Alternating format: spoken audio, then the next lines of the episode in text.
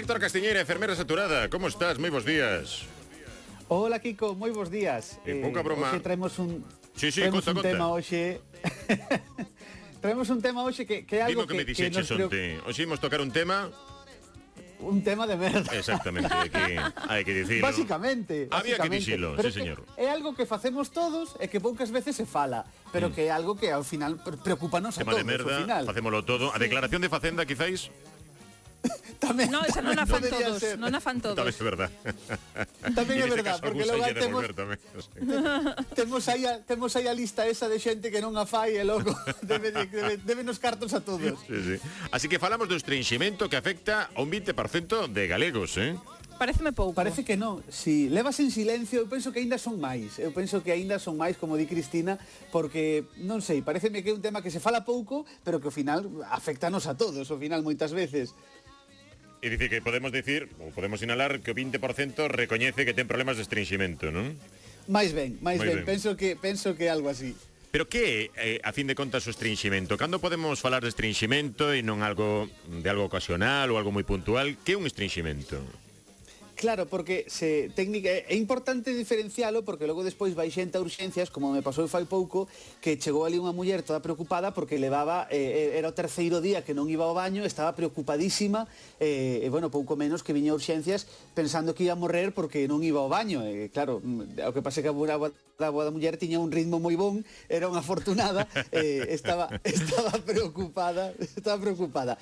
Pero realmente eh para que se vamos aos papéis, te, estringimento é ir menos de tres veces a, a semana. O sea, se realmente mm. se na semana vamos menos de tres veces ao baño, facemos menos de tres deposicións, entón sí que se podía falar de estringimento. Pero ao final é, é algo moi personal, porque todos temos aí ese cada un ten un pouco o seu ritmo. Sí. Uh -huh. E hai xente que é moi regular e o que ti dis, non? Se se empeza a agobiar, mi madriña, como pasa un día, parece que cae o mundo. Claro, é que, a ver, eh, por exemplo, por, eh, por exemplo, ir unha vez cada tres días é normal? Pois sí, se é o teu ritmo, se ti vas eh, unha vez cada tres días ao baño e sempre é así, e sempre foi así, pois é normal, non é non hai que preocuparse. Pero é que tamén hai tamén é normal ir tres veces ao día, eso depende un pouquiño de cada un. Ir tres veces ao día, a mí parece un pouco, un pouco demasiado, excesivo, sí. pero Sí, sí, pero hai xente que tres veces o día de, de, vai ao baño e, bueno, ten esa sorte, non? Hai cada un, algún tocolle un millón e outro vai tres veces o día ao baño.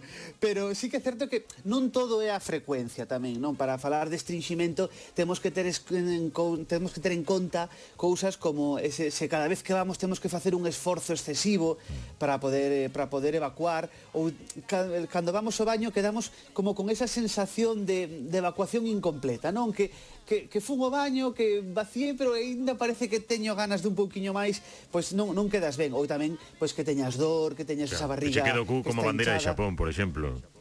Efectivamente. Aí, sí ou que, que teñas claro, tamén as no, feces no, aí, duras. Médico. Claro, Si, sí, hai as típicas boliñas, as típicas boliñas que se fala sempre. As, de, hecho, de feito, chamanse feces caprinas, pero son esas feces duras, as boliñas que están nos indicando que aí hai un estringimento. E cando temos que ir ao médico? Cando realmente debemos preocuparnos ou polo menos consultar eh, como estamos? Pois mira, eh, sempre que vayamos ao baño, eh, por exemplo, pois tiñamos dor, apareza sangue, cando nos vamos limpiar, limpar apareza sangue, ou tamén se levamos, claro, en canto a frecuencia, se levamos máis de 4 días. Se levamos máis de 4 días sen ir ao baño, entón sí que habería que, que tomar algunha solución, ou ben ir a un médico, ou, ver, ou ben eh, recurrir a algún dos laxantes que temos, porque sí que máis de 4 días sí que hai que tomar medidas, pero vamos, que porque este a un, dous días en ir, non pasa nada, pero sí que xa 4 xa empeza a preocupar a cousa. E antes de, de pasar polo laxante, subir ao médico, hai alguna forma natural para para intentar aliviar a situación que, que nos preocupa e sobre a que estamos atravesando en algúns días? Sí, sí, temos temos medidas ver, que, que nos poden Beber moita auga, supoño, eh, non? Eso é o primeiro, parece de chiste, parece de chiste porque sempre mm. decimos o de beba moita auga, tamén como cando ven unha vaga de calor, bebe auga. Pregunté pero que sí debíamos que antes, que... non?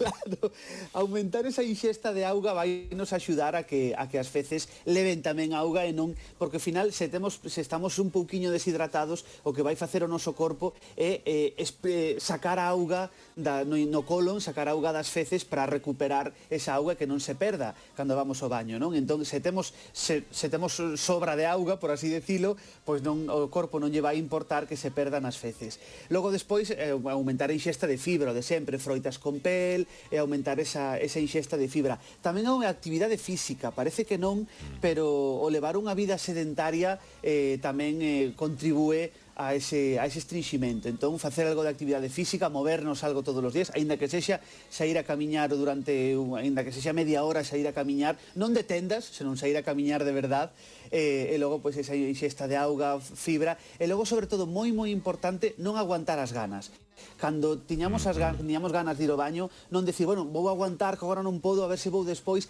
porque ao final estamos eh, prolongando esa situación eh, é importante. Ti recomendas, despois, nos, hay... vamos no coche, parar inmediatamente e aí nos pille.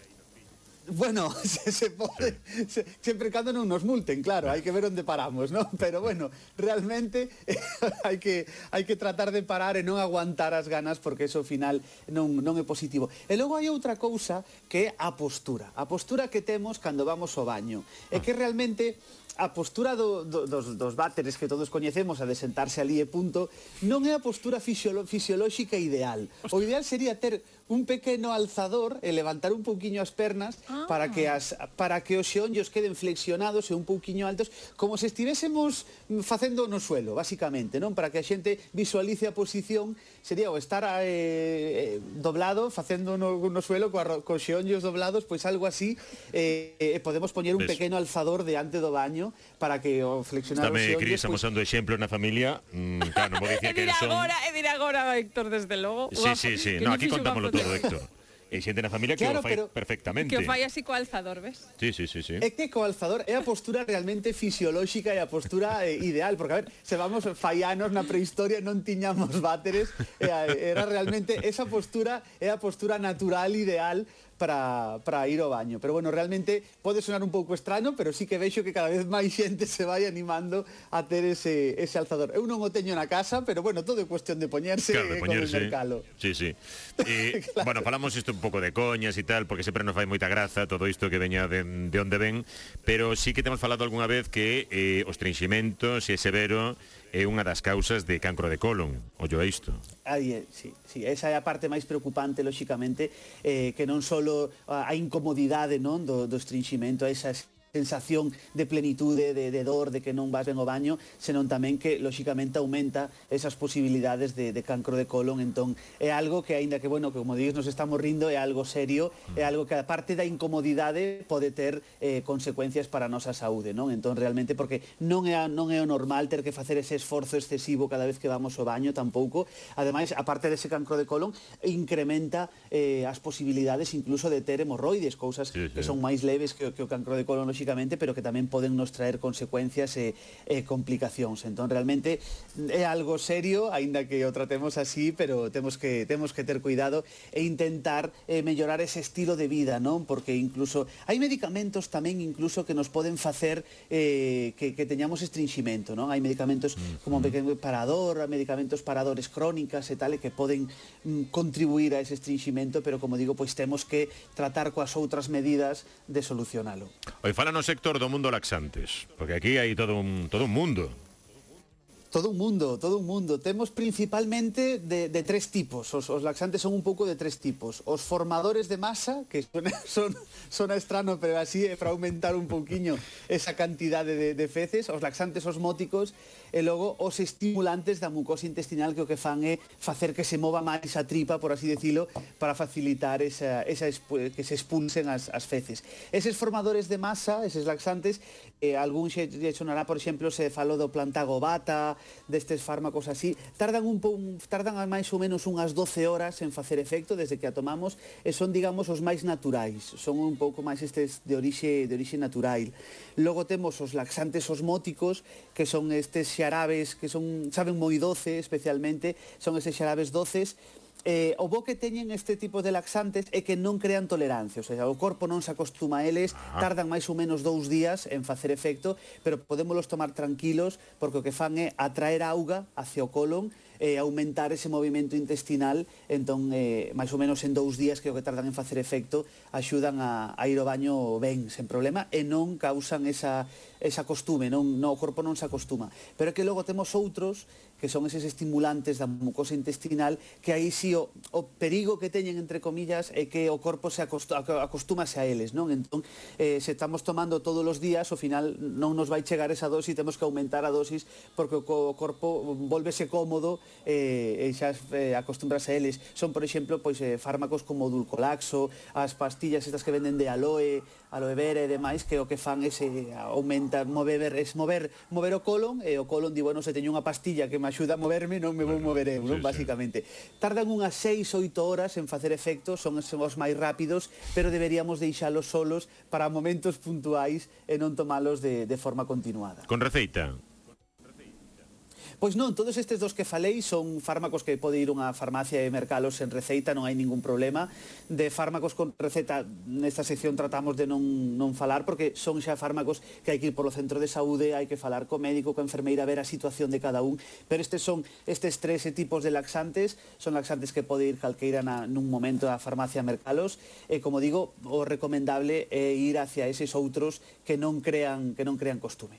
Falabas Pero sempre en eh, sí. último Sí, sí. Sempre en último recurso, claro. Primeiro sempre serían as outras medidas das que falamos antes. Que hai alimentos que, que axudan a eh, evitar ou frear o estringimento, pero hai outros alimentos que axudan, non? O plátano, por exemplo, pode ser. Claro, que des, tema, aí temos que ver un pouquiño porque hai play media aí fai eh, alimentos que poden, aínda que nos pareza que non, eh, se por exemplo, pois eh, temos o arroz tamén, non? Que a xente eh, se comes ah, moito arroz, sí. pois de, estaba aí a, a claro, a, a crenza popular é certo, non? A Favorecen ese estringimento. Entón, claro, temos que elevar como sempre, aínda que soe atópico, esa dieta variada, equilibrada eh, claro. sobre todo recurrir sempre ás froitas e ás verduras. Un día churrasco de porco e outro de tenreira, non algo variado. claro, que no. hai que ir variando, hai que ir variando. eh, dieta variada, facer deporte, con iso seguramente xa eh, solucionaremos moito do